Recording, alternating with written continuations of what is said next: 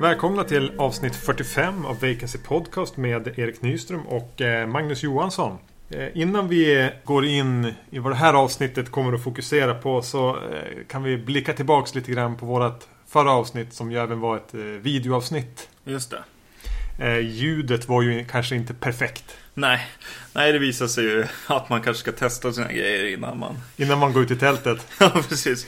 Det, det är en ny kamera som användes och eh, vi förlitade oss lite för mycket på vad den kunde ta upp för ljud. Så eh, om vi gör några mer videosar så lär vi väl åtgärda det helt enkelt. Mm. På ett eller annat sätt. Eh. Men vi får ju hoppas att ni kommer igenom det ändå. Om inte annat så kunde ni i alla fall avnjuta våra vackra nunor upplysta av någon svag ficklampa. Just det. Ja, precis. Den här gången har vi ett avsnitt och in, återigen, innan vi går in på de två huvudfilmerna mm. så var vi på bio tillsammans igår. Det här avsnittet spelar vi in i Stockholm. Jag är lite på, på sluttampen på min semester så jag gör en liten rundresa. Mm. Eh, så vi passade på att gå och se den svenska skräckfilmen Vittra i år. Just det. Regi skrev jag ner här. Sonny Laguna och Tommy Wiklund. Just det. Det är ju som de säger på omslaget en svensk Evil Dead.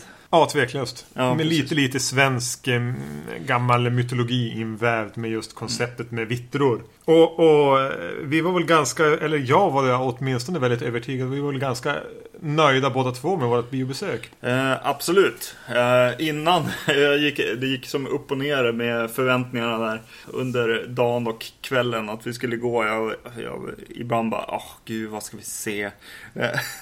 eh, och sen bara, nej men det är jäkligt coolt att en, en svensk eh, sån här skräckis dyker upp som är liksom kommer upp på bio helt enkelt. Ja. Ja, nej, det var ju förvånande. Förvånansvärt bra också.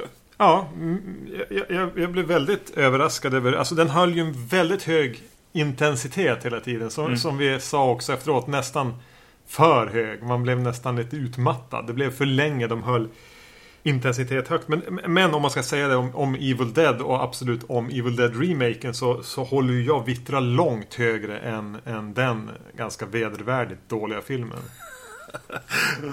ja, ja, men du tyckte, jag håller med om att den är, den är bättre, absolut. Det negativa med den här då, eh, som inte då har titeln Evil Dead, är väl att den, den känns eh, som en copycat väldigt mycket. Ungefär som det okända var en copycat på ja. Blair Witch Project. Ja, precis. Fast i den, i den, den filmen blev ju sin egna på något sätt. Den här eh, blir ju inte det fullt ut. Förutom att den tar lite influ influenser från eh, Night of the Living Dead skulle jag säga. Lite grann. Alltså att den har, den har lite zombie film i sig också. Som, så, I större utsträckning än eh, ja, Evil Dead. Ja, ja precis. Eh, och eh, Ja, precis. Men de, de gör ju rakt av liksom den här... Äh, ungdomar i stuga, ungdomar i skogen. Ja, precis. Och vad heter det? Den här äh, luckan i golvet. Det dy, dyker ju upp där också. Det känns, äh, känns ju inte riktigt eget direkt. Jag, jag, jag gick direkt till jobbet och rekommenderade för en, en kille där. Bara, ja, men nu, nu när det går svensk skräck och det faktiskt är bra så ska du ju gå och se det säger jag. Och så bara, ja men jag, ja, men jag kollar en trailer så här. Och så när han, när han kom tillbaka och hade sett trailern så bara, ja det här var ju inte så eget. det här är ju exakt Evil Dead, sa han. Och ja, ja visst, det, det är det väl till viss del men... Eh, det behöver inte vara dåligt. Nej, precis. Eh, den, jag sa även det att, att den är lite grann som eh, Den skulle kunna komma från den norska skräckfilmsvågen där de ju gjorde Nu var det kanske ett tag sedan det kom med någon mm. Men de, de bockade ju av några slasherfilm och outback-film och, och sånt där. Gjorde några ganska genretypiska. Och det här känns mer som en sån. Ja. Eh, men jag tyckte den hade eget var att just det här att de låg ofta väldigt nära med kameran. Det var mm. väldigt mycket närbilder vilket gör att man ser ingenting som händer. Det blir klaustrofobiskt på något vis. Som var ja. väldigt, och intensivt. Men det jag var mest imponerad av i, i Vittra var skådespelarna. Ja. Eh, kanske framförallt det här paret som, som på något vis står i centrum. Jag skrev ner skådespelarnamnen. De heter Patrik Almqvist och Lisa Henny som mm. spelar huvudrollerna. Mycket bra. Ja. Och även Amanda Renberg. Ja. Känd från Hipp Hipp Hora för en snart tio år sedan. Ja, ja, jag, satt, jag satt och var så imponerad av dem att jag började faktiskt skratta i början av filmen. Jag var så himla nöjd med skådespeleriet och eh, hon, när, när hon kom in också så, eh, ja, det blev väldigt roligt för hon blev ju så här eh, Liksom, ja, det var så roliga karaktärer på något sätt också. Och väldigt naturligt skådespeleri. Mm. Förutom då när äldre skådespelare, liksom teater, eh, teater. teaterrävarna kommer in. Då ja, precis. klaffar det inte alls på något vis. Nej, precis. Eh, borträknat då Johannes Brost. ja, vi, vi pratade om det också, att alltså, jag sa det, de har ju om jag fick välja precis vem jag ville från alla skådespelare i Sverige, om jag skulle kasta en här Crazy, Crazy Ralph-karaktär mm. från Fredag den 13 filmen. Så skulle jag naturligtvis välja Johannes Brost. Ja, precis. Och det har de ju gjort här och det är, det är ju bra. Det är bra. Det kanske inte är perfekt, men det är bra. precis. Eh, kul i alla fall. Mm. Ja, just det. Och så dök hon ju upp eh, en från eh, det okända också. Ja, just det. Hon som så. heter Ingar. Ja, precis. Så vi log åt, log åt varandra mm. i biosalongen. När vi just hade sett den filmen. Eh, hon såg precis likadan ut. Ja, hon såg nästan yngre ut. Ja, jo, nästan yngre ut. ja. Men vi ska väl inte stanna för länge på Vittra. Annat Nej. än att säga att det är en... Eh, om den fortfarande går på bio när vi har lyckats eh, få ut det här avsnittet. Ja, precis. Så spring och se den. Eh, om inte annat så åtminstone för att uppmuntra svensk ja. skräckfilm. För, för det, det, är ändå bättre än den mesta som görs eh, inom genren egentligen som kommer mm. hit. Mm. Eh, och för mig, jag som inte går jätteofta på bio, sa att det här var förmodligen det, det, bästa jag sett på bio i år. Eller åtminstone den bästa bioupplevelsen. Ja, vi kom som överens om att det var nog sant i alla ja. fall. Att, eh, för, för, för mig som individ, liksom, som, som ja, vad jag gillar att se och sånt där, så är det ju definitivt det. Ja. Jag sa att mm. det var det tillsammans med Les Misérables det bästa jag sett på bio i år. Det, mm. det står jag nog fast vid. Även om det är två filmer. Men jag aldrig tror man kommer att få se en double bill. Nej. Nåväl. Vi, vi släpper Vittra mm. och eh, försöker formulera det tema. Eller det här avsnittet är egentligen ett Frankensteins monster. Och jag tänkte dra historiken bakom det här avsnittet. Mm. Som då alltså innehåller miniserien Salem's Lot eh, av Tobe Hooper. Och Antiviral av Brandon Cronenberg. Men kort historik. Vi hade sedan länge, när vi visste att Dario Argento skulle göra sin Dracula i 3D. Mm. Sagt, ja men den ska vi ju göra på podden bara för att liksom göra den nya Dario-filmen. Och det var säkert ett år sedan vi började prata om det. Och då sa vi, ja men vi, vi gör den tillsammans med Nosferatu. Alltså Murnaus mm. Nosferatu. Mm. Stumfilmen. Jag tänkte att jag skulle vara förutseende så jag köpte eh, in Nosferatu och hade den liggande. Mm. Sen nu någon gång under våren började vi även prata om att vi skulle göra The Lords of Dogtown höll jag på att säga igen. The Lords of Salem. ja. Och då, vad ska vi göra den med då? Och då på skoj sa vi, ja men med Salems Lot såklart, som en, en lek med titlarna där. Så, mm. Som en viss spika som det, för att det kändes, skulle kännas lite kul att se om Salems Lot. Mm. Sen när det blev sommar så bestämde vi oss för att göra det här avsnittet som väl var avsnitt 43. Mm. När vi istället valde att titta på lite ny, nya släpp på, på DVD och Blu-ray inom skräckgenren. Vilket då gjorde att vi valde att, eh, och jag sa bara nu har jag köpt både Salems Lot och Nosferatu. De ska inte bara få ligga. Alltså, nu, ska vi, nu gör vi ett avsnitt med de två. Bara, mm. Jajamän, vi gör det.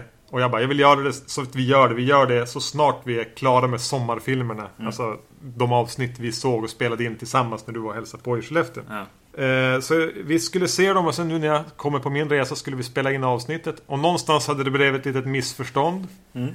Eller om eh, du bara var tillbaks på jobbet eh, stressad. Ja. Så du hade glömt bort att se Nosferatu. Yes. Precis, och då blev du lite sänkt av det. Ja, att se den igen. Liksom. Se den igen. Eh, så vi sa helt enkelt att vi tar den där som du har i ryggsäcken. Ja. Med dig. jag fick hem Antiviral som recensionsexemplar från Studio S eller om det är Njuta. Mm. För Film Fenix så norpade jag med den. Eller jag skickade ett sms och sa vilken av de här ska jag ta med? Ja, precis. Och då, då, då blev det Antiviral. Så då slog vi ihop Antiviral med Salem Slot. Lite grann utifrån att det åtminstone finns, har med blod och saker som kanske transporteras i blodet att göra. Mm. Eller kanske ännu mer av att vi tyckte det såg lite vampyriskt ut på omslaget till Antiviral. Ja. Men vi ska inte gå in mer på det. Det här är alltså ett extremt rörigt tema. Ja. och som sagt vårat Frankensteins mon monster till avsnitt. Mm. Men vi börjar med Salem slott. Yes, det gör vi. Och eh, det handlar ju om en eh, författare som återkommer till sin barndoms eh, småstad för att eh, skriva en bok om ett eh, liksom ont hus eller ett spökhus i, i staden som han själv har gått in i när han var liten också och varit med om och blivit skrämd helt enkelt där. Så han är lite, inte besatt, men han, han vill eh, skriva om det här huset och eh, försöker hyra in sig. Men det har just eh, blivit ut, uthyrt till en eh, eh antikhandlare som eh, har flyttat in där. Så han får istället hyra in sig i en liten sån här bed and breakfast Mm. eh, ställe och med utsikt över det här huset. Där han sitter och skriver. Det syns från hela stan det här Ja. huset. Mm, ja, precis. Och då börjar hemska saker hända i den här staden. Folk börjar Försvinna, eller dö. försvinna och dö. Och den är ju då baserad på Stephen Kings eh, roman med samma namn. Eh, I Sverige hette den Staden som försvann. Det var den andra roman han skrev. Carrie var den första. Salem slott var den andra. Så utan att du egentligen har märkt det här håller jag alltså på och bockar av Stephen King filmatiseringar i kronologisk ordning. Jag skulle inte ha sagt någonting för då kommer du att dra i handbromsen. Jag är ett ganska stort Stephen King-fan, eller jag, fan, eller jag var när jag var i 12, 13, 14, 15 års åldern. Läste väldigt mycket då, sen hade jag väl ett uppehåll på kanske 10-15 år. Men nu har jag börjat läsa, läsa en del igen och läsa en del av vad han gör. Jag tycker fortfarande om det han skriver. Så jag valde att läsa Salem slott igen nu som sommarläsning. Just det. Så jag kommer att försöka bolla lite likheter och skillnader mellan, mellan bok och eh, miniserier. Det är ju en TV, TV-serie, eller en TV, två dubbla TV-filmer eller vad man ska säga. Just det. Tre timmar. Mm. Och eh, Tobe Hooper har gjort den här. Det, sa vi att den var från 79? Jo, det kanske vi gjorde. Nu har vi sagt om inte. Ja, och det ska jag säga att det är det första som eh, jag uppskattar med den här filmen när jag börjar se den, eller miniserien. Att eh, se något sånt här välproducerat för TV från 70-talet eh, är ganska häftigt att se med tanke på hur, hur TV är just nu. Att det är så här lite som, ja, ganska höga budgetar och sånt. Och det, det känns, tycker jag ändå att det känns av att det finns här också. Framförallt så är det ju ett galleri av, av skådisar. Man bara så här, ja, Oj. den och den och den. Och, ja, okej.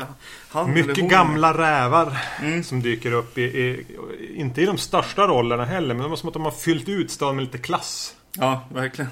Om vi ska börja med att nämna några av skådisarna så framförallt kanske James Mason Mm. som eh, han spelar Ja, den här antikhandlaren. antikhandlaren. Jag försökte komma på vad han hette men namnet, namnet smet undan. Ja. Och han, han tillför ju alltid elegans och klass över det han gör. Han är en så pass bra skådis, en brittisk klassiskt skolad skådis. Så han lyfter som allt. Och det finns några andra. Eh, Lou, Lou Ayres spelar, gör också någon karaktär där, mindre roll. Mm. Också en gammal, gammal Hollywood-räv. Ja, jag är så dålig på, på namn, men man kände när man såg den, jaha, den och den. Ja, Ja, ja. ja just den där har jag sett någonstans. Och, och jag såg det. eh, Jeffrey Lewis också ja. Eh, Juliette Lewis pappa. Så Ja, han som man spelar dödgrävare. Just det. Jag såg den med, eller i alla fall första delen av, av eh, den här med eh, frugan. Och hon bara Vem är den där tjejen som Ja, är ja. med? Så här, hela tiden och jag var tvungen att ge några så här, va, eh, lite så här eh, hint så jag bara, ja men eh, tänk kontorsmiljö hon var i Mm. och på flygplan. Ja, Och så- ja. Ja, ja, hon bara nej. Så till slut var jag tvungen att säga Yippee motherfucker. Mm. så bara, ja okej. Är Mrs McLean Ja, från eh, precis. Die Hard. Eh, Jag har nämnas bör, jag glömde mina, mina anteckningar på, eh, hemma i, i Skellefteå. Så jag, jag sitter här och eh, pratar ur minne. Mm. Ja, just en till skådis jag då bara vill nämna om vi ska gå in på eh, så, eh, Antikhandlaren av James Mason. De är egentligen två som är skurkarna. Mm. Och, och, och bakom, ba- bakom allt make på, på... Mm. Ja, precis. Såg du vem det var? Ja, precis. Nej, det gjorde jag inte. Men du kollade upp det? äh, Jag var tvungen att kolla upp det. Och eh, det var han som jag har pratat om i Bird with the Crystal Plumage, va? Ja, och i en eh, Hitchcock-film. Nu har det namnet glidit ut ur minnet Ja, också. precis. Men han, är eh, den här Ja, Men, eh, eh, Leida-mördaren som I gul jacka. Ja, precis. Den. Eh, inte krediterad tydligen i, den- i den här. nej. Eh, vilket var eh, lite kul. Ja, precis. Och uh, on, on that note så måste jag säga, va, hur, hur börjar den här alltså? Första delen. Jag blir helt... Det är en resumé som förstör. Ja, Spoilar massor. Ja, precis. För att uh, du, du var lite nervös när vi, när vi höll på att ha den här med Nosferatu, Salem slott. Han bara, du, jag ja, var det. bara, oj, vi kanske kommer att spoila att det är som en, ja, en vampyrfilm. Ja. Och jag bara, ja men vadå, det är ju som en vampyr på omslaget, säger jag. Och så bara, ja, men, men jag hade det där i minnet att du var så här, ja men man ska som inte veta det. Och så bara börjar filmen med en resumé med bara, ja, vampyr efter vampyr. vampyr. Som väser mot Och det är så konstigt att resumén ligger i före första avsnittet. Det är som en trailer nästan. Ja. Eh, och, ja, så jag börjar... Jag, jag, jag, precis som vampyrerna i filmen fräser mot korsen så mm. fräste, jag, fräste jag nästan mot tvn och höll upp så jag försökte skippa och höll upp ja. om, papper för ögonen. Så ja, jag, vill, jag, alltså, jag har sett den här förr. Men det är väldigt länge sedan, och mitten av 90-talet. Mm. Och jag har läst boken, men jag vill ju inte... Jag vill ju få det som en överraskning hur, hur karaktärerna ser ut, hur de har gjort vissa scener, hur... Mm. Vad som kommer att hända och vad de har valt att ha med och inte. Jag vill ju inte få... Ja, och jag började ju bara spela fel skiva. Mm. och sådär. Det var ju två skivor så jag bara... Nej, det, det, ska vara, det här ska vara rätt. Nej, det var, det var ju väldigt tråkigt. Särskilt efter eh, din varning där då. Ja. För jag var ju som, ja men vad kul. Då kommer det bli som en liten deckarhistoria eller någon, någon myst, myst, mystiskt där. Men nej, det spoilas ju från första början. Mm. Boken är ju lite grann att man ska börja undra vad det är som händer. Man förstår ju att det har, kanske har det med husets historia att göra och det har det i viss mån. Men eh, egentligen så är det ju en väldigt trogen filmatisering. Men den håller ändå en i, i mörkret hundra sidor in i åtminstone mm. innan, innan det avslöjas att det är vampyrer. Ja, och eh, om, man, om man skulle bortse från det här så gör, gör ju serien det också, eller de här filmerna det också kan jag tycka. Att det, det sätts upp ett ganska okej okay mysterium med vad heter det, många karaktärer. Han kommer in, alltså författaren kommer in här i Salem slott tillbaka. Vad, vad betyder det? Och så kommer exakt samtidigt kommer in den här eh, antikhandlaren och han har ju också en kollega som är på väg hela tiden. Så här, mm. ah, men han, han, han är i New York just nu. Ja, precis. Och handlar upp lite antik, eh, antikviteter helt enkelt. Och eh, ja, men det blir lite spännande och huset. Det, det finns många trådar att ta eh, och dra i. Sen blir jag llite konfunderad om, om boken. För jag tänk, eh, när jag såg första delen här, eller mm. första filmen, filmlängden här, eh, så blev jag väldigt konfunderad över så här, ja men eh, handlar boken egentligen om att flytta en låda från en plats till en annan? För det gjorde filmen i lång, lång bit, i alla fall den mm. första delen. Nej, alltså sakerna händer inte riktigt i samma ordning. Mm. Eh, och, och det är med hela den här transporten av en låda, men det är en ganska det, det, är ett litet ett kort kapitel om hur rädda de är när de kör den här lådan från, mm. från hamnen till, till huset. Att de ska sätta de här låsen, de ska gå ner och ställa dem. Bli, av någon anledning så blir de livrädda. Eh, och det är med, men det är en väldigt kort del. Ja, för det lägger de ju mycket tid på i, i första eh, delen av det här. Och det kommer ungefär samtidigt i, i, i boken. Mm. Ja, just det. Och så Toby, Toby Hooper-grejen.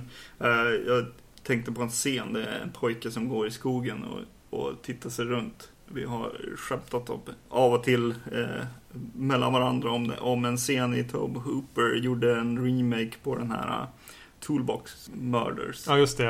Eh, där det är en soffa i, emellan kameran och en aktris. Och eh, mördaren hoppar upp liksom... Utom synhåll för kameran. Vilket... Men inte för henne. Men ändå henne. lyckas han överraska henne. Ja, hon blir helt överraskad. Hon ser ju inte honom.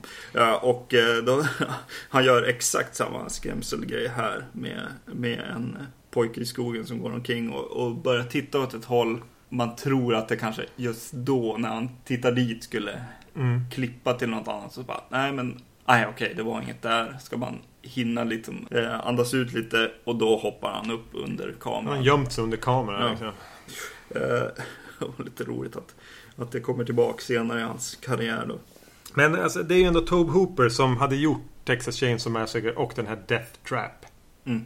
Eh, innan det här. Vad tycker du om hans insats som regissör? Känner du att det är någon Tobe Hooper-stämpel på, på, på Salems lott? Jag känner av en del grejer. Alltså, och även senare grejer. Alltså, han har ju med Poltergeist-grejer i mm. vissa scener som man börjar så här, Ja men bara rakt av så här. Det, det skakar och, och, flyger saker i köket i mm. princip. Uh, och, uh, och jag känner också av Texas Chainsaw Massacre-influenser. Tycker jag i vissa miljöer och sådär. Mm. Kanske framförallt. Och så kanske att han, att han lånar från Ja men jag tänker på jättemycket andra, annan film. Så jag tror att han är, ja, han är nog en sån där som är lite inspirerad. Psycho, Nosferatu. Ja, Ibland tänkte jag på Phantasm också. På något sätt. Jag tycker att han är, det, det jag tänkte på var här att eh, han känns ganska mycket som en gun for hire här. Mm. Eh, och jag tänkte till och med, kanske borde det ha varit här Tobe Hooper skulle ha stannat istället för att göra den karriär som han ändå gjorde, som ju sen Poltergeist egentligen inte har varit någonting. Mm. Eh, han kanske skulle ha varit en lagom hårt styrd tv-filmsregissör. Gjort tv-serieavsnitt, gjort någon miniserie då och då. Mm. För när han ska vara Tobe Hooper och få fria händer, skräckfilms eh, Tobe Hooper. Då märker man att han inte riktigt har det. Nej, precis. Utan, eh, ja, precis. Och Texas Chainsaw Massacre var ju... Ja, precis. Man, man får känslan av att det är en riktig jäkla lyckträff.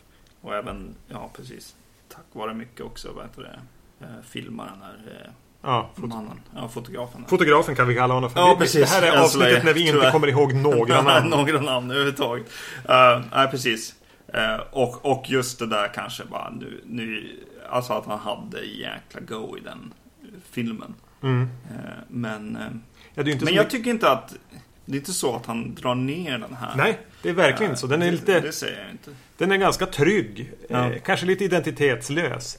Men alltså, jag, jag, jag, gillar hur han använder skådespelare. Alltså hur han låter scenerna få vara lite presenterande av karaktär. Ganska många presenterande av karaktärscener. Och, ja, det finns ett lugn över den. Ja. Alltså den, den, i och med att den var gjord för TV så kan den ju inte vräka på med, med den får inte bli för hemsk. Den får inte vara för blodig och den får inte utan den bygger mer på en på nästan alltså, som känns ganska nära boken. En lite mer krypande eh, berättande skräck. Mm. Än, än, och med, med, mycket karaktärer. Karaktär och mysteriet här. Men det kommer ju en del scener som är så här.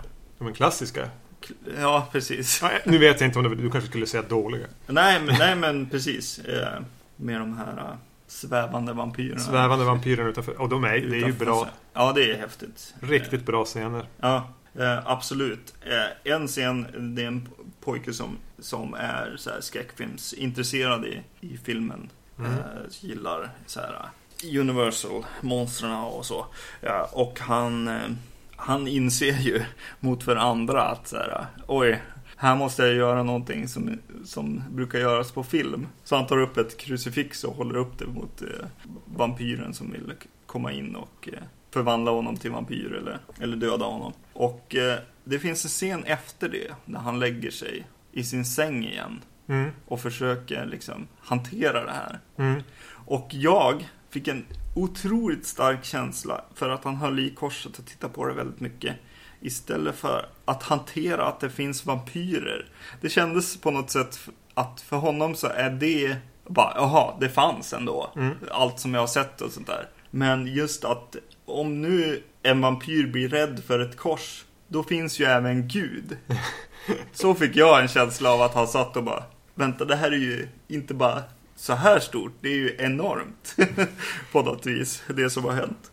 Det jag tycker att den scenen är förmodligen hela det och det precis efter som du nämner efter skalvet eller liksom när han så här går och lägger sig igen och så här. Hela den lyckas filmen verkligen flytta perspektivet från alltså, den kan som anpassa hur den berättar från vilken karaktär den följer. Mm. För då flyttar den sig till en Okej, nu är han som spelar han lite för gammal. I, i boken mm. är han 12. Här är han väl kanske några år äldre men spelas av någon som kanske är närmare 18. Ja. Men hur som helst. Eh, jag tänker han som en tidiga tonåren. Mm. Hur filmen verkligen skjuter till ett perspektiv hur en 12-13-åring verklighet påverkas av det här. Att han liksom lägger sig där och är liksom rädd och orolig. Och förmodligen mm. bullrar till för då knackar, knackar det på sig. Så kommer hans pappa och det, mm. Hur är det? Så här, Jag tyckte jag hörde det skrika någonting. Bara, Nej, jag måste ha drömt eller någonting. Att föräldrarna hamnar som utanför det här. Och det blir... Ja. Hur filmen verkligen tar ett barn, barnperspektiv på... Ja, precis. Och när du säger det så tänker jag också på att nu är det faktiskt en polis med i en scen. Och då blir den på en helt annat sätt, ja. Mm. Ja, jo, det är sant. Att den... Jag kan anpassa det för vilka karaktärer som är med. Dock så blir det den här handboy-grejen mellan far och son lite Ja, udda. Lite kinky nästan. Ja, och så sen, okej, han tog, eh, sonen är så här, ja men jag kan, jag kan få mig loss från, från handbojor. Sätt Mm. på mig handbojorna så ska jag ta, ta mig loss. Och så sen när han har tagit sig loss så ber han pappan att eh, binda honom med rep också. Då bara, ah, okej, mm, okej. I, I boken är det... Nu kommer inte. För jag blandar ihop bok och film. Så nu får du försöka hjälpa mig minnas här. Men i boken är det väldigt viktigt att han kan det där. Ja, jo men det är Det i- blir det i filmen Ja, också. det blir. Ja, mm. eh, Att de planterar. Nu, Absolut. Så skörda som vi ja, brukar precis. ja, precis. använda. Mm. Ja, men det var kul att se 70-talsgrejen så här. Eh, Jag måste nämna en annan, en skådis också. Det är Ed Flanders. Ja, ja. Han Som- var ju en av dem. Ja, precis. Som eh, spelar stadens läkare. Och som ju är med i Exorcisten 3 som vi har Mm. pratat om. Han är väldigt fin. och alltid, eh, alltid naturlig i sitt skådespeleri. Det är som att han är, han är den där fina läkaren. Jag tänker vis. väldigt mycket på doktorn i Twin Peaks. Alltså Ja, det. Donnas pappa i Twin Peaks. Alltså, Mm. Två lite Ja. samma. Han, han var otroligt bra i den här, eh, i sin lilla roll liksom. Det tyckte jag. Det jag verkligen känner, jag såg den här uppdelat i två. Eh, Mm. Så jag såg första på kvällen och sen var jag haft semester så jag kunde se den andra halvan på förmiddagen. Men det här kände jag nästan var en sån här film jag hade velat se Liksom på en liten TV. Alltså, Mm. Tjock-TV i en sommarstuga så här Börjar kl- 23.00 om man sitter uppe och ser den och så ser man andra halvan 23.00 efter att typ ha varit ute och klippt gräs hela dagen. Alltså den sån Mm. här Den gör sig inte riktigt på Nu är det nu ett 4.3 format men den gör sig inte riktigt på en stor TV med för Mm. bra bildkvalitet. Nej, och inte det heller. Och, och, och den, den bygger ju också på så här äh, konceptet med TV att du ska vänta den där extra veckan och Mm. du ska komma till jobbet och du ska prata om den här. Vad, är- vad är det som händer i staden? Vad är, vad är grejen så här? Eh, Så den är ju bra upplagd på det viset också. Jag tänkte väl nämna några saker som skiljer sig från, från eh, boken. Mm. Eh, och det är ju framförallt det de alltid gör. De kan flytta ordningen på vissa saker. Scenerna är ju inte exakt som de ser ut. Eh, de har dessutom slagit ihop några karaktärer. Läkaren där, alltså Ed Flanders Mm. läkare, är, är egentligen två personer. Alltså Okej. den, han är inte pappa till, till, till den här... Nej, just det. Det, det är inte samma person. Nej. Eh, och det är några andra som även har fått gå ihop. Eh, det, det jag reagerade på var att eh, den här läraren som blir en kompis till, till huvudpersonen, författaren. Mm. Han byter förnamn. Jag tror att han heter Matt Burke i, i, i boken. Mhm. Men här får han heta Jason Burke. Mhm, just det. Sånt där som man börjar fundera varför man väljer att byta förnamn från Matt till Jason. Alltså det är ju inte Burke. Alla Ja. de andra karaktärer, det kan vara till och med vara någon annan de har bytt namn på också. Men näst, alltså, Ja. nio av tio karaktärer heter likadant, utom han. Men det måste ju vara rättighetsgrejer eller liksom så här. Oj, nu är vi... Det är just en känd politiker som hade blivit Ja, åtalad för någon sexskandal. Ja, som var i ropet då som gjorde Ja, det han- måste ju ha varit något sånt. Det och det som är den största skillnaden är ju att i boken är ju den här Dracula-karaktären eh, snarare en Christopher Lee Dracula än Mm. en Nosferatu Dracula. Han är en, en elegant man med mustasch och bakåtkammat hår som dessutom tycks bli yngre. Nu spoilar jag Ja. eh, friskt där. Medan han i, i filmen ju här är en, eh, en fullfjädrad Nosferatu, skallig, Ja. nästan kanintänder. ja, precis. Som att han har överlevt från när Nosferatu gjordes också. Ja. Han, han känns ju äldre och ännu mer liksom, ja, jag vet inte vad. Eh, Ett lik nästan. eh, På något sätt. För han är ju helt blå också. Mm. eh, I princip. Inte helt snyggt att han ska vara den där blå färgen. Nej, det kan jag inte tycka. Och, och de filmar för mycket och han gör för konstiga grejer liksom. Mm. Ha- Han, är ro, han blir rolig ibland så här. Sätter sig upp väldigt snabbt och så kanintänderna och så här. Så om det bara hade varit lite långsammare eller, eller gjort på ett annat sätt. Han slår ihop två personers huvuden med varandra Mm. i någon scen. Och det, Fumligt klippt också. ja, precis. Eh, det, ex, exakt det gör han i boken men alltså fun där fungerar det. Här blir det mer bara Nej, löjligt. Reggie Nolder heter skådespelaren ja, som spelar. Eh, mm. Så då fick jag eh, closure. eh, nej men alltså det här är ju en ganska mysig tv-film. Ja, precis. Ingen, ingen skräckfilmsklassiker men väldigt mysig, väldigt sent 70-tal. Väldigt mycket Stephen King. Eh, mm. Väldigt eh, litterär egentligen. Med ett karaktärsgalleri och en liten småstad. Så den har ju verkligen tillräckligt många bra saker för ja. att få den sevärd. Jo, men absolut. Men den låg ju inga högre höjder direkt. Nej. Och eh, David Soul som spelar eh, författaren och huvudrollen mm. är ju en torrboll. Ja, oh, det måste ju vara eh, felande länken verkligen i, i den här. Måste jag säga. Han är ju, vad är det de heter? Starskin Hutch. Ja, någon av dem ja, just det. Han är Hutch. Eller? Mm. Ja, nej, han kunde de ha tagit någon annan. Eh, ja, men ska vi ta oss vidare? Mm. Antiviral 2012. En till skräckfilm från 2012. Yes. Eh, med, med, snarare kanske citationstecknet på skräckfilm här. Mm. Manus och regi Brandon Cronenberg. Mm. Så det här är vår första Cronenberg-film på Vacancy Podcast.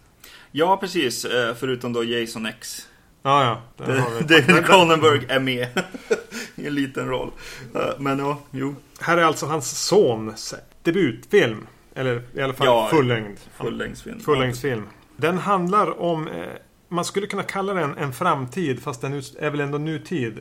Mm. Kändishysterin har nått helt nya oanade höjder. Där det har blivit populärt att köpa virus från kändisar och in, injicera sig själv med, eh, nu är det bara fiktiva kändisar i den här, men till exempel liksom Britney Spears herpes. Ja, precis. Eller Michael Manns eh, fotsvamp. Eller magcancer för den delen. Ja. Nu säger jag inte att Michael Mann har magcancer, det vet jag verkligen ingenting om. ja, det är bra. Och eh, ja, precis. Och det, ja, precis. Det går ju till extremen också. Det handlas ju även i kändisars eh, vävnad. vävnad ja, ja. Som de då äter. Som folk köper för att -huh. laga till till middag. För att vara på... närmare kändisarna. Mm. Det sker ju då på någon slags svart marknad. Det är tydligen inte riktigt, riktigt okej. Okay. Inte mm. ens i den här visionen. Mm. Eh, huvudpersonen jobbar på en av de här företagen som säljer det här. Och eh, har sjukdomarna. Väl, ja, säljer mm. sjukdomarna. Och snärjer in sig i någonting kring en av de största kändisarna de har. Som blir väldigt sjuk och han verkar bli väldigt sjuk. Mm. Och vad är det för virus hon har fått? Finns det någon konspiration bakom det? Mm. Ja, precis. Det är väl vad den handlar om. Mm. Han, han jobbar ju på sjukdomsstället men fuskar ju och tar hem sjukdomar och säljer dem på svarta marknaden då. Ja, och mixtrar med dem själv. Mm. De har ju bara, den har ju sådana där idéer, just det här. Och den här idén med att, att de manipulerar virusen eller justerar dem och knäcker det genom att sätta in dem i en, en, en maskin som en dator som får dem att framstå som ett ansikte. Mm som är förvridet och sen manipulerar de det här ansiktet så kan de även manipulera viruset eller knäcka koden på något mm. vis för att kunna ja, massproducera det. Ja, precis. Och även kunna eh, stoppa det vid, eh, vid den som har köpt det här viruset. Den kommer aldrig att smitta någon annan med det här. Nej. Utan han måste säga, ja men du, jag gick på den här kliniken och fick fick... Eh... Seinfelds flunsa. ja, precis. Ja, precis. Och så den handlar ju om, eh, om kändishysterin. Definitivt. Och tagen till sin spets, verkligen. Och då även hans strid då mot, mot det här som, som händer honom. För, för genom att när han eh, ska ta hem sjukdomarna så verkar han ju injicera dem mm. själv. Och Testa ut, lite grann. Ja, och ta ut dem ur sig själv. Och sen eh, fixa med dem med en apparat som han har snott hem eh, från jobbet. För att få till eh, de här till svarta. Och knäcka dem också. Mm. Så att han kan massproducera dem liksom. Den är inte helt lätt Så han är ju sjuk redan från början. Ja, han är väldigt risig huvudperson här. Eh, den är ju inte helt lätt att beskriva egentligen. För den är, och det är ju en ganska knepig film på sätt och vis. Mm. Eh, och nu spelas väldigt mycket vita, sterila miljöer. Det är väldigt mycket vitt. Det är vita väggar, eh, mm. vita bord, eh, så här, plasmaskärmar på väggarna. Och han som är castad här i huvudrollen Caleb Landry Jones heter han. Just det. Han är ju kritvit i sig också. Det är ju bara hans fräknar som liksom gör att man ser honom. Fräknarna och hästsvansen. Ja, precis. Äh. Caleb Landry Jones. Eh, det är ett ganska roligt namn att säga kände jag när jag skrev mm. ner det. Jag tycker han är lite lik Jared Harris. Alltså den här brittiska skådisen från Mad Men och Sherlock Holmes. Han ser ut som en yngre version av han. Mm. En 30 år yngre variant. Um, han kämpar på ganska bra i den här filmen. Ja, ja det måste jag säga. Han är definitivt bra i, i huvudrollen här och, och kan, kan spela alla stadier av, av sjuk och även liksom ja. sälja att han faktiskt ibland får lite energi att göra saker mm. också ändå. Eh, utan att så helt tappa som, som, som andra filmer ofta gör. Och ja, men det gjorde de i vad Vittra till exempel. Så var det någon som eh, bröt en arm eller vad han gjorde. Och så bara åh, aha, det, det tar så jäkla ont. Men nu måste jag göra saker som det tar inte ont längre. Eh, I den här så, så tycker jag han balanserade sådana saker väldigt bra. Mm. Eh. Ja, han är ju, han går runt med käpp och har på sig någon rock och ser verkligen, man, man vill ju som bara, men Lägg det bara, vila bara. ja, och, och, just att han är så risig hela tiden så han åstadkommer ju inte speciellt mycket genom filmen. Nej. Han eh, blir nedslagen hela tiden mm. eller han kollapsar. Mm. Eller han upptäcker att han nog inte har förstått hur det hänger ihop. Och stapplar som mest bara runt mellan folk som säger saker till honom och mm. verkar manipulera han eller lura han. Och, mm. mm. Så det är ju verkligen en, på något sätt en typisk antihjälte utan att han för den skull är speciellt ond. Ja okej, okay, mm. han gör saker för egen vinnings skull. Men eh, ja, han har, han har inte åstadkommit mycket när, när eftertexterna rullar egentligen. Nej, precis. Och det gjorde han inte på, på lång tid eh, i, in i filmen heller kände jag när jag såg den här. Att jag kände bara, ja men kom igen, någonting måste hända.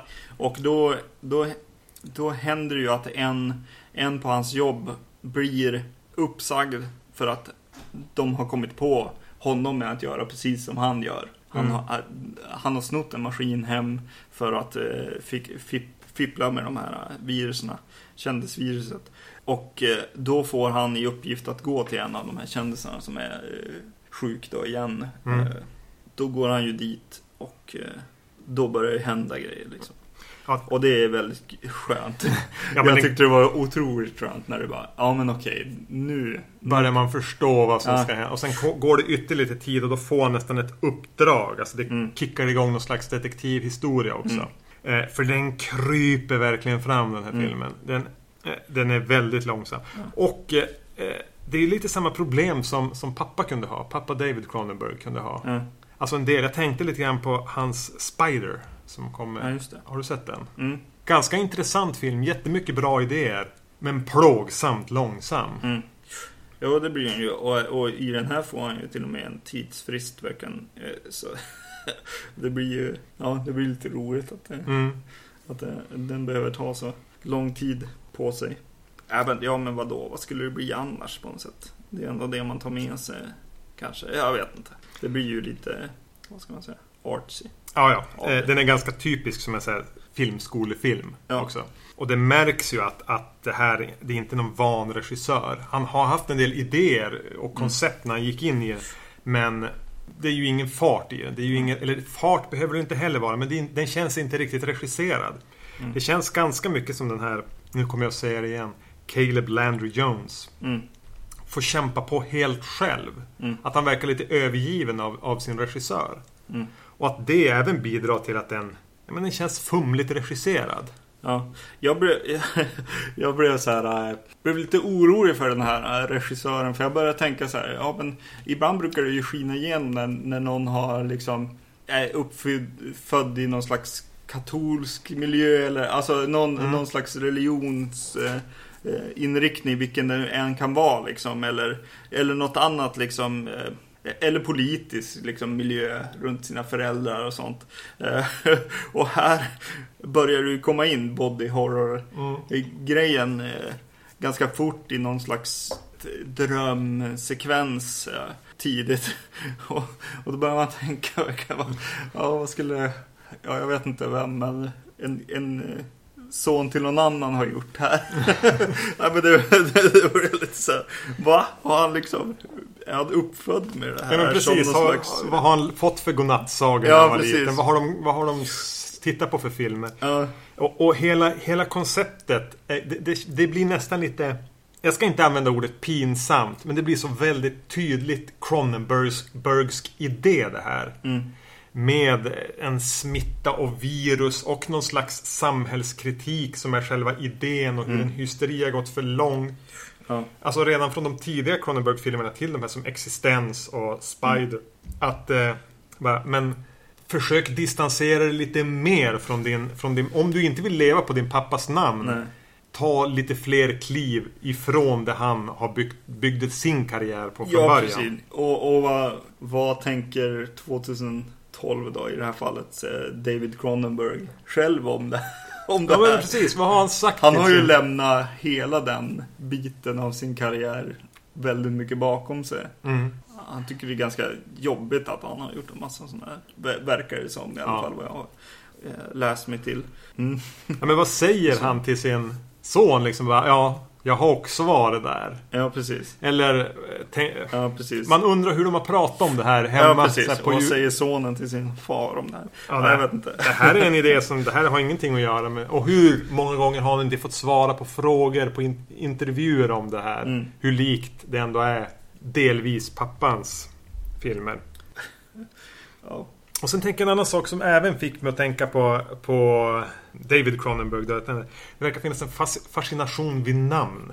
Jag, jag, Mhm. jag tror jag hade någon läsning för- dig i, Mm. tidigare i somras med så David Cronenbergs filmnamn. Jag sa att Mm. han är en grym på så Daryl Revock och Mm. eh, någonting Oblivion. Och så. Alltså Ja, han, har, han gillar att namnge karaktärer. Mm. Max Ren heter väl eh, hjälten i Videodrome. Sådana där saker. Och även här är det som att han är väldigt intresserad av att namnge karaktärer och ständigt pumpa på med namn. Just det. Det droppas ja, men olika fiktiva kändisars namn, vad den karaktären heter, fullständigt namn. De säger det gärna igen senare, även om det inte spelar så stor roll. Och det är ju inte någon så här Mike Brown de heter heller, Nej. utan det är lite så här genomtänkta namn som ska låta lite som Mm. Daryl Revock ungefär. Hanna Geist. Ja, Ja, Hanna Geist heter den här super megakändisen. Ja, ja jo. jo, det är sant. Ja, jag blev som lite illa ber- berörd av en, en scen. Ja, Och det, det finns lite så här både horror-grejer och sånt där som man kanske skulle så här vrida sig åt och sådär och lite så här blodiga grejer. Just sjukdomsgrejerna så här. Men, men en, en scen, ja det, bara, det kändes inte rätt. Det här, är, det här är fel på så många sätt. Och det är att han sitter vid, vid sitt köksbord och läser en tidningsartikel om den här Hanna Geist. Och så sitter han och äter hennes eh, vävnad. alltså den här köttet samtidigt som liksom eh, så han, han läser om henne Typ som han, som han äter henne. Vilket, ja, nej, det, var, det var faktiskt en rolig, rolig idé, definitivt. Och de har ju vissa saker. Jag tänker att det här är säkert baserat på så här någon vet, Han har läst några vetenskapliga artiklar och tänkt lite grann på det här med kändishysterin eller någonting. Och, Mm. och, och de nämner i förbifarten om någon som jag tänker kan vara ett verkligt fall. Där de pratar om någon vars hon har varit död sedan 50-talet men de, hennes cancerceller, cancern som tog hennes liv, lever fortfarande kvar. De Mm. odlar fort dem vidare för att kunna bedriva forskning på dem. Mm. Och det var någonting med bara den känslan. Mm. Att cancern som tog en människa, människas liv lever vidare långt efter Mm. personen har dött. Det var Mm. någonting som både var väldigt konstigt och ganska otäckt med det. Sen är det väl bra om man använder celler för att forska på. Det är inte så att jag lägger någon värdering i det. Det var bara en väldigt Ja. konstig tanke. Ja, precis. Ja. Och det är väl eh, antiviral består väl i mångt och mycket om en del här, idéer. Mm. Bara, ja, men tänk om man började sälja och handla med kändisars sjukdomar. Man klart att man skulle vilja ha en det, komma närmare dem om man hade deras herpes. Mm. Och sånt där. Och, och, och det här med ansiktena i datorn för att eh, knäcka koden på, på viruset. Ja. Ja, med- med företagen och den svarta börsen och äta deras vävnad och sånt där. Det, är- det är så här idéer att sitta och prata om om man är lite skruvad. ja, precis. Och även, ja precis. Och en, en lite enklare grej som händer i en liten sekvens där, det är att ja, hon, har, hon är ju sjuk och han har ju fått hennes sjukdom så att säga. Men hennes fans har ju aldrig, när man blir sjuk som kändis, Mm. så, så försvinner man ju som från, tidningar och annat. Så Håller man sig borta ett tag. Ja, precis. Så då, så då är det några som liksom i, i princip kidnappar honom och eh, filmar honom så att fansen ska kunna uppleva vad som hände. Och det där är en grej som även jag är, är lite fascinerad det, det går ju nästan in i true crime-grejen så här. Bara, eh, alltså att så här, ja, men vad hände egentligen och ja, sånt där. Så nu får vi se någon annan som inte är så viktig genomlevare. Ja, precis. Och då kan man tänka sig in i vad, vad som hände. Det är ju när någon, någon kändis eller någon man följer så här dör. Ja, men vad var det som hände då? Mm. Och så står det bara så här, ja men den har lämnat oss eller ja, ja, dött eller vad som helst. Just den biten så här. Ja, men vad, vad dog han eller hon av liksom? Mm. Och just den tanken har de ja, överfört här då till den här. Ja, men precis. Just de idéerna Ja. är ju ganska, ja men så här, att fundera på. Lite tankeställare. Men, men hur bra funkar det att sätta ihop det till en, till en indie-drama, thriller, skräckfilm? Mm. Ja, nej. Nej, det var svårt. Jag, jag, jag ska erkänna att jag tycker att det var lite svårt för att jag höll ju på att somna. Mm. Eh, Jag tror jag såg stora mer av den här filmen än vad du gjorde. Ja, Eh, eh, precis. Till slut satte jag mig så rakt att jag faktiskt på riktigt var nervös att jag skulle så här helt plötsligt bara dunk slå, slå huvudet i någonting. Falla ihop. Ja, den är, den kryper ju fram som Ja. jag redan har nämnt en gång. Det är en Ja, långsam. precis. ehm, Och, och vitt är ju alltså ljus. Ja, man börjar ju kisa Ja, bara för att är så kisar ljus. Och då är, det ganska, då är det inte många steg från att stänga ögonen. Jag hade, jag är inte, jag har som sagt var fortfarande semester, det har inte du. Mm, Så jag nej. hade lite lättare att hålla mig vaken. Hålla mig vaken. Mm. Eh, men en, en fråga som slog mig under några av de här lite morbida scenerna när de har eller bara konstiga eller vrickade, lite grann som i Cronenbergs Dead Ringers. Mm. Är det här en film som vi hade älskat när vi gick i gymnasiet? Ja, just det. Eller Ja, hade precis. vi... Hade Nej, men vi jag, satt och, jag satt och var så här, jo men precis. Eh, problemet den har är ju att det är Cronenbergs son som har gjort den här. Är ett stort problem för mig i alla fall. Ja, ja, för, det- för att kunna se på den som underhållning. Jag, jag kan, ja, jag tyckte nog om en del av de här idégrejerna och sådär. Och jag skulle säkert tycka om det som sagt. När, när sådana tankar kanske just hade börjat liksom Mm. dyka upp i, i en. När det ja. blev lite nytt med en film som faktiskt väckte tankar Ja, och inte precis. bara var underhållning. Ja, och då skulle nog den här passa utmärkt. Jo, ja, jo, så kan det nog vara. Men nu, ja, ja. den- Visst hade det den varit ro- svår. Visst hade det varit roligare om det hade varit William Friedkin som hade gjort den här? Eller någonting sånt. Ja. ja, jo det hade det varit. Eh, nu blir det liksom bara... Man kan inte skaka av sig den där far-son problematiken och, Nej. och att den är slarvigt regisserad och sövande långsam. Men Ja, man, precis. plockar man ut de här roliga idéerna och, och eh, nu kommer jag säga det igen, Caleb Landry Jones insats i huvudrollen. Mm. Eh, ska, man kan inte säga bra, starka biroller också. Ja. Eh, så är den ju ändå tillräckligt mycket för att, för att se den.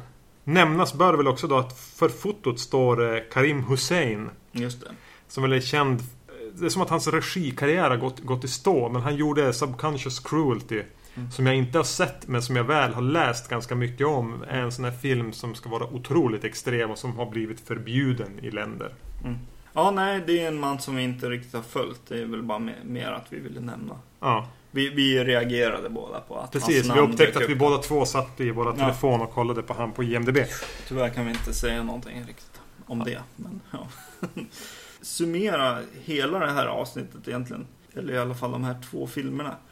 Ja, precis. Båda är såna här mellanfilmer. Så här. Ja. Ja. visst, alltså, jag skulle nog kunna tänka mig att så här, ibland så får man för sig liksom någon jul att se liksom Salem slott. Men kan du inte tänka dig att när typ din äldsta dotter är 12, 13, Ja, just det. 14 Ja. att ni ser den och så här när bara ni är hemma för att din fru och andra dotter är borta hos någon annan. Alltså så här. Far-dotter-grej. Ser- Då är det en ganska bra skräckfilm att, att se med någon som är lite yngre. Ja, jo absolut. Och sen bara, vet du att den finns en bok också? Så Ja, just det. kan introducera. för, för det, King. Ja. Och så får du köpa den här tjock-tvn också. Just det. I en sommarstuga. Just det. Köpa sommarstuga också. Ja, Men nej, kommer man absolut. någonsin att se Antiviral viral igen? Nej, men den är inte... Ja, precis. Vi, vi är ganska hårda mot ny skräck och sådär. Och betydligt så, mer förlåtande mot äldre. Ja, precis. Så på så sätt, ja, man blir ju inte arg och jag tyckte att den hade lite kul idéer och tankar. Den är ju bättre så. än Dracula 3D. Ja, ja, precis. Intressant är den i alla fall. Mm. Ehm, som sagt, det här var vårt eh, otroligt löst ihopslängda avsnitt som vill visa en del på att vi inte är några masterminds alltid när vi konstruerar våra avsnitt, men oftast. Ja, eller hur? Eh, nästa gång så ska vi faktiskt ta ett, ett amfibietema. Just det. Mm. Ja. Så tills dess, eh, vacancy.se är vår hemsida. Mm. Och eh, podcast.vacancy.se är vår mailadress där man skickar in eh, tips på filmer, reaktioner på avsnitten och eh, ja. annan feedback. Annan feedback. Hat eller kärlek. Mm. Allt är lika välkommet. Vi finns på Facebook, vi finns på Twitter. Eh, vacancy underscore SC. Just det. Jag lär mig. Ja, det är kul att eh, se att det börjar röra sig på Facebook. Vi får lite svar och likes sådär på när avsnitten kommer ut. Det är alltid kul med, med lite feedback. Så eh, fortsätt på, med det på alla de här ställena mm. helt enkelt. Kommentera våra, våra inlägg på hemsidan till exempel. Och ge oss bra betyg på iTunes. Det har vi inte sagt på ett tag. Nej, det är ju jättekul om det hamnar högt på listorna där. Så mm. folk får, andra folk får lyssna. Och naturligtvis finns vi även på filmfenix.se. Mm. Om man vill lyssna på oss där eller eh, försöka få kontakt med mig via forumet där. Mm. Nåväl, som sagt, nästa gång blir det amfibier. Yes. Hej! Hej!